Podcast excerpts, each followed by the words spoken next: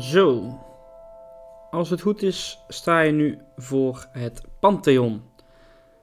Dit is waarschijnlijk het best bewaarde eh, overblijfsel uit de Romeinse oudheid. Dit is echt gebouwd door de oude Romeinen, de huidige versie die je nu ziet, zeg maar. Uh, stamt uit ongeveer 120 onder keizer Hadrianus. Dus hij is bijna 2000 jaar oud. Er luidt een Romeins gezegde. Ehm, wie Rome bezoekt zonder het Pantheon te hebben gezien, keert terug als een ezel. Ja, dus je moet gewoon ooit een keer in je leven, en zeker als je naar Rome bent gegaan, moet je naar het Pantheon uh, zijn gegaan, anders ben je gewoon een ezel. Um, dit is waarschijnlijk de plek, hè, de plek waarop het Pantheon is gebouwd, is waarschijnlijk de plek waar Romulus, de stichter van Rome, uh, uiteindelijk door een, in een donderwolk is opgenomen en uiteindelijk is vergoddelijkt, naar de hemel is gegaan. We noemen dat een apotheose. Ja, hier op deze plek is dus Romulus waarschijnlijk ten hemel gegaan en god geworden. Even kijken, als we even naar de voorkant kijken, uh, de voorgevel, dan zien we daar een tekst staan uh, met puntjes ertussen m.agrippa.l.f. cos.tertium.fecit. Wat betekent dit nou? Die M staat voor de voornaam van deze persoon, namelijk Marcus. Marcus Agrippa. Uh, LF, dat is uh, vaak kort voor Lucius uh, Lucii Filius, dus de zoon van Lucius. En cos tertium staat voor consul tertium en fecit, uh, heeft gemaakt. dus de betekenis Marcus Agrippa, zoon van Lucius, heeft in zijn derde consulaat dit laten bouwen. Of ja, dit laten maken. Marcus Agrippa dus.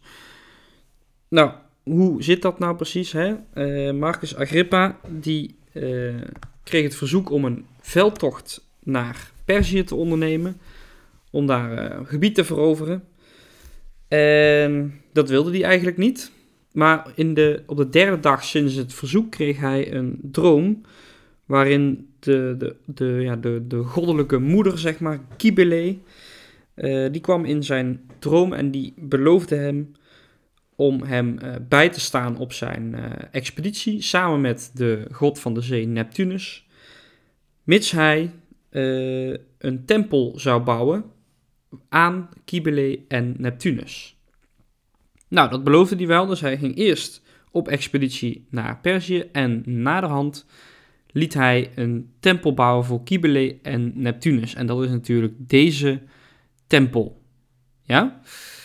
Ehm in 27 voor Christus heeft hij deze laten bouwen. En uh, net zei ik al dat in 120 na Christus is de daadwerkelijke versie die we nu zien uh, gemaakt. Dus daar kom ik zo even op. Um, de naam Pantheon wordt vaak uh, uitgelegd als een, een tempel voor het Pantheon. En het Pantheon, dat betekent alle goden. Ja? Pan, alle. En Theon, of het, het, het alle goden, het hele godendom. Maar dat is hier niet de interpretatie. De juiste interpretatie is dat deze tempel geheel goddelijk is. Daar staat de Pantheon voor. Dus pan kan ook geheel zijn, geheel goddelijk. Nou, eerst was dit dus een tempel onder Agrippa. Waarschijnlijk was hij iets kleiner dan uh, dat je nu ziet. En daarna heeft Hadrianus hem in 120 dus opnieuw laten bouwen. En uh, vroeger gingen er geluiden op dat Hadrianus het ontwerp zelf had gemaakt. Nu gaan we eventjes een paar eeuwen uh, later kijken, namelijk in begin 7e eeuw is deze tempel aan de paus geschonken. Dus toen was, het al, uh, was heel Rome al uh, christelijk. En is deze tempel aan de paus geschonken en is hij omgevormd tot kerk. Ja, dus van binnen, ja, niet omgevormd, maar gebruikt werd hij als kerk. En dat is waarschijnlijk de redding geweest van dit gebouw. Want als het nog een tempel was voor de Romeinse goden, dan zou die natuurlijk door de christenen in de 7e eeuw als heidens bestempeld worden en dan zou die hoogstwaarschijnlijk vernietigd zijn geweest. Maar omdat die dus uh, ja, eigenlijk in gebruik genomen is als kerk, uh, natuurlijk omdat er wel een hele, ja, het was een hele mooie, heel mooi gebouw met, met, ja, met, met heel veel allure. Dus ja, dat, dat, ga je niet zomaar vernietigen, dat ga je als kerk gebruiken. En daarom bestaat dit Pantheon nog steeds. En dan gaan we weer een, jaar, een jaartje of 1000, 1100 verder. En in 1870 is het Pantheon aan de koning van Italië geschonken. En werd het een uh, begraafplek voor de adel. Nou, wie is er allemaal begraven dan? Uh, Victor Emmanuel II ligt hier begraven. Victor Emmanuel ken je waarschijnlijk als degene aan wie de suikerspin in Rome is gewijd. Dat is dat hele grote witte gebouw op de kop van het Forum. Waarschijnlijk zijn we daar al langs geweest deze reis.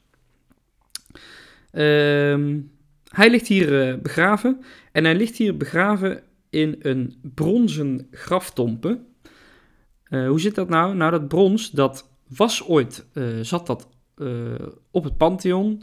gewoon een deel van het Pantheon eigenlijk, dat brons.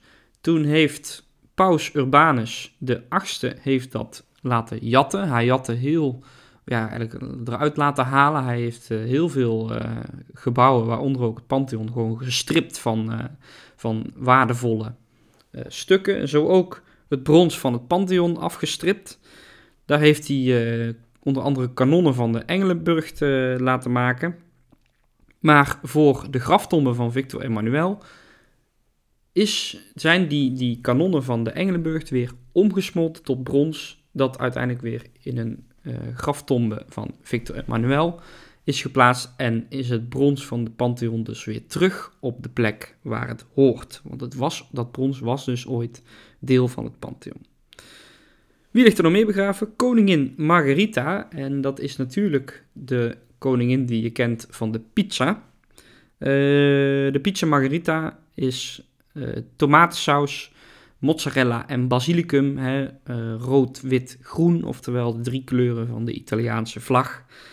Zij ligt hier begraven. Wie ligt hier ook begraven? Dat is schilder Raphaël, van wie we al veel hebben gezien of nog gaan zien deze reis. En hij is 37 jaar geworden en is gestorven op Goede Vrijdag. Uh, dat is vrij symbolisch natuurlijk allemaal. Hè? Hij is gestorven op Goede Vrijdag. Dat is ook de dag waarop Christus is gestorven. En 37 jaar, nou 37 is een 3 en een 7. Dat zijn heilige getallen voor de christenen. En uh, eh, 3 en 7 zijn samen 10. Dat is ook weer een heilig getal. Dus heel symbolisch allemaal die dood van Raphaël. En hij ligt hier begraven. Binnenin kun je hem ergens vinden en er is ook een inscriptie en daarop staat, uh, vrij vertaald dan, hier rust Raphaël, van wie de natuur vreesde dat hij haar zou overtreffen tijdens zijn leven. En nu hij dood is, vreest ze om zelf ook te sterven. Ja, dus Raphaël kon zo goed schilderen dat hij de natuur eigenlijk zou overtreffen. Maar uh, nu hij dood is, vindt de natuur het eigenlijk zo jammer dat ze misschien zelf eraan doodgaat.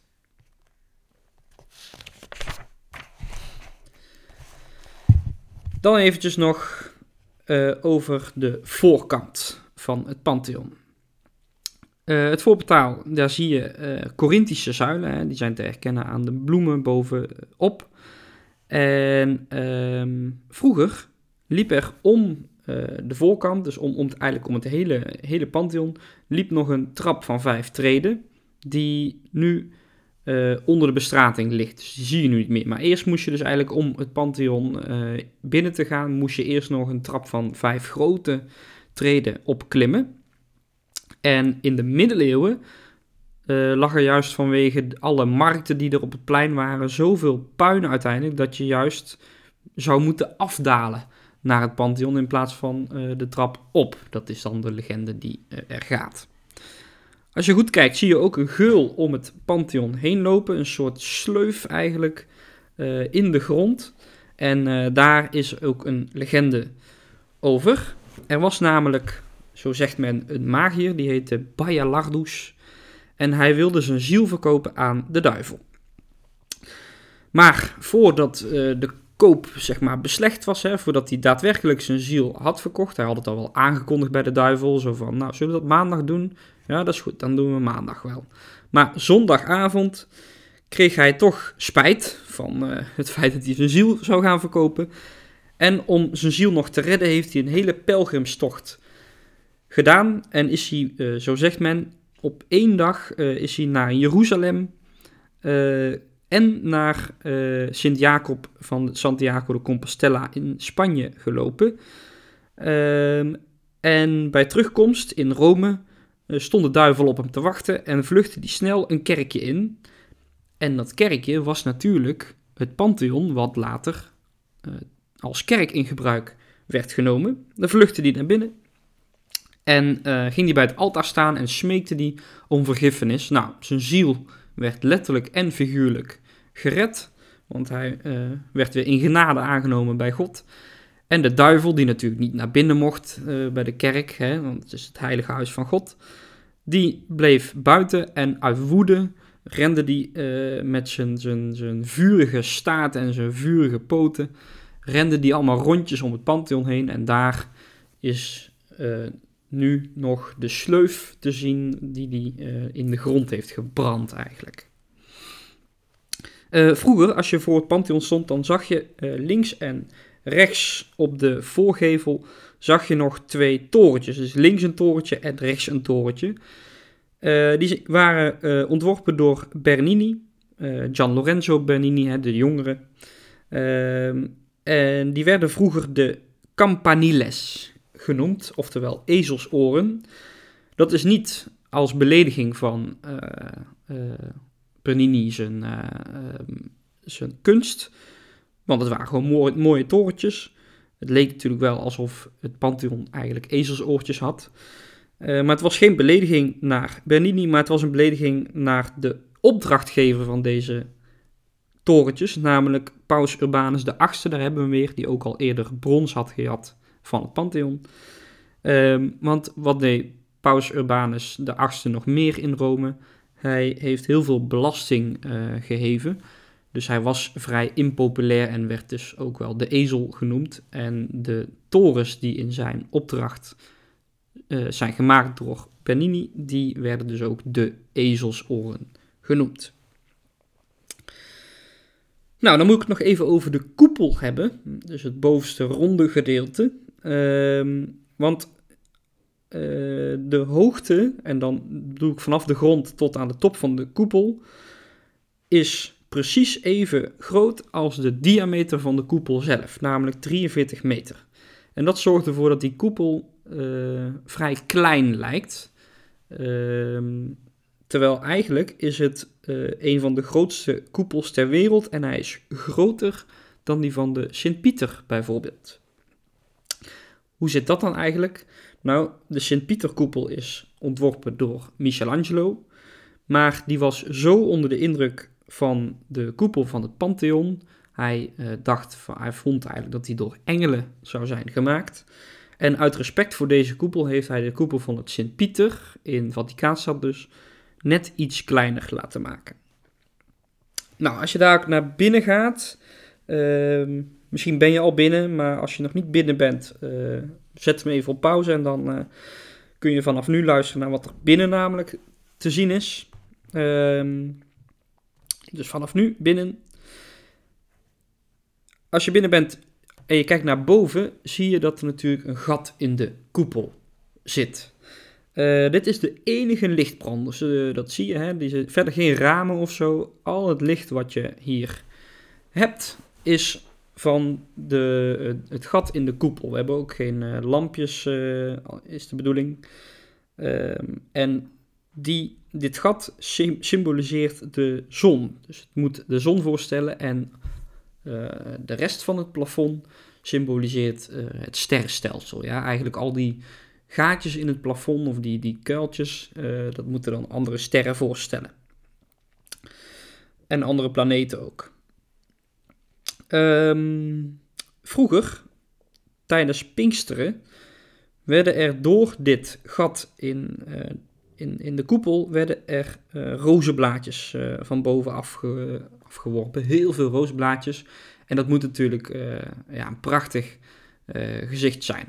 Ook hield de paus dan altijd een zegening in het Pantheon.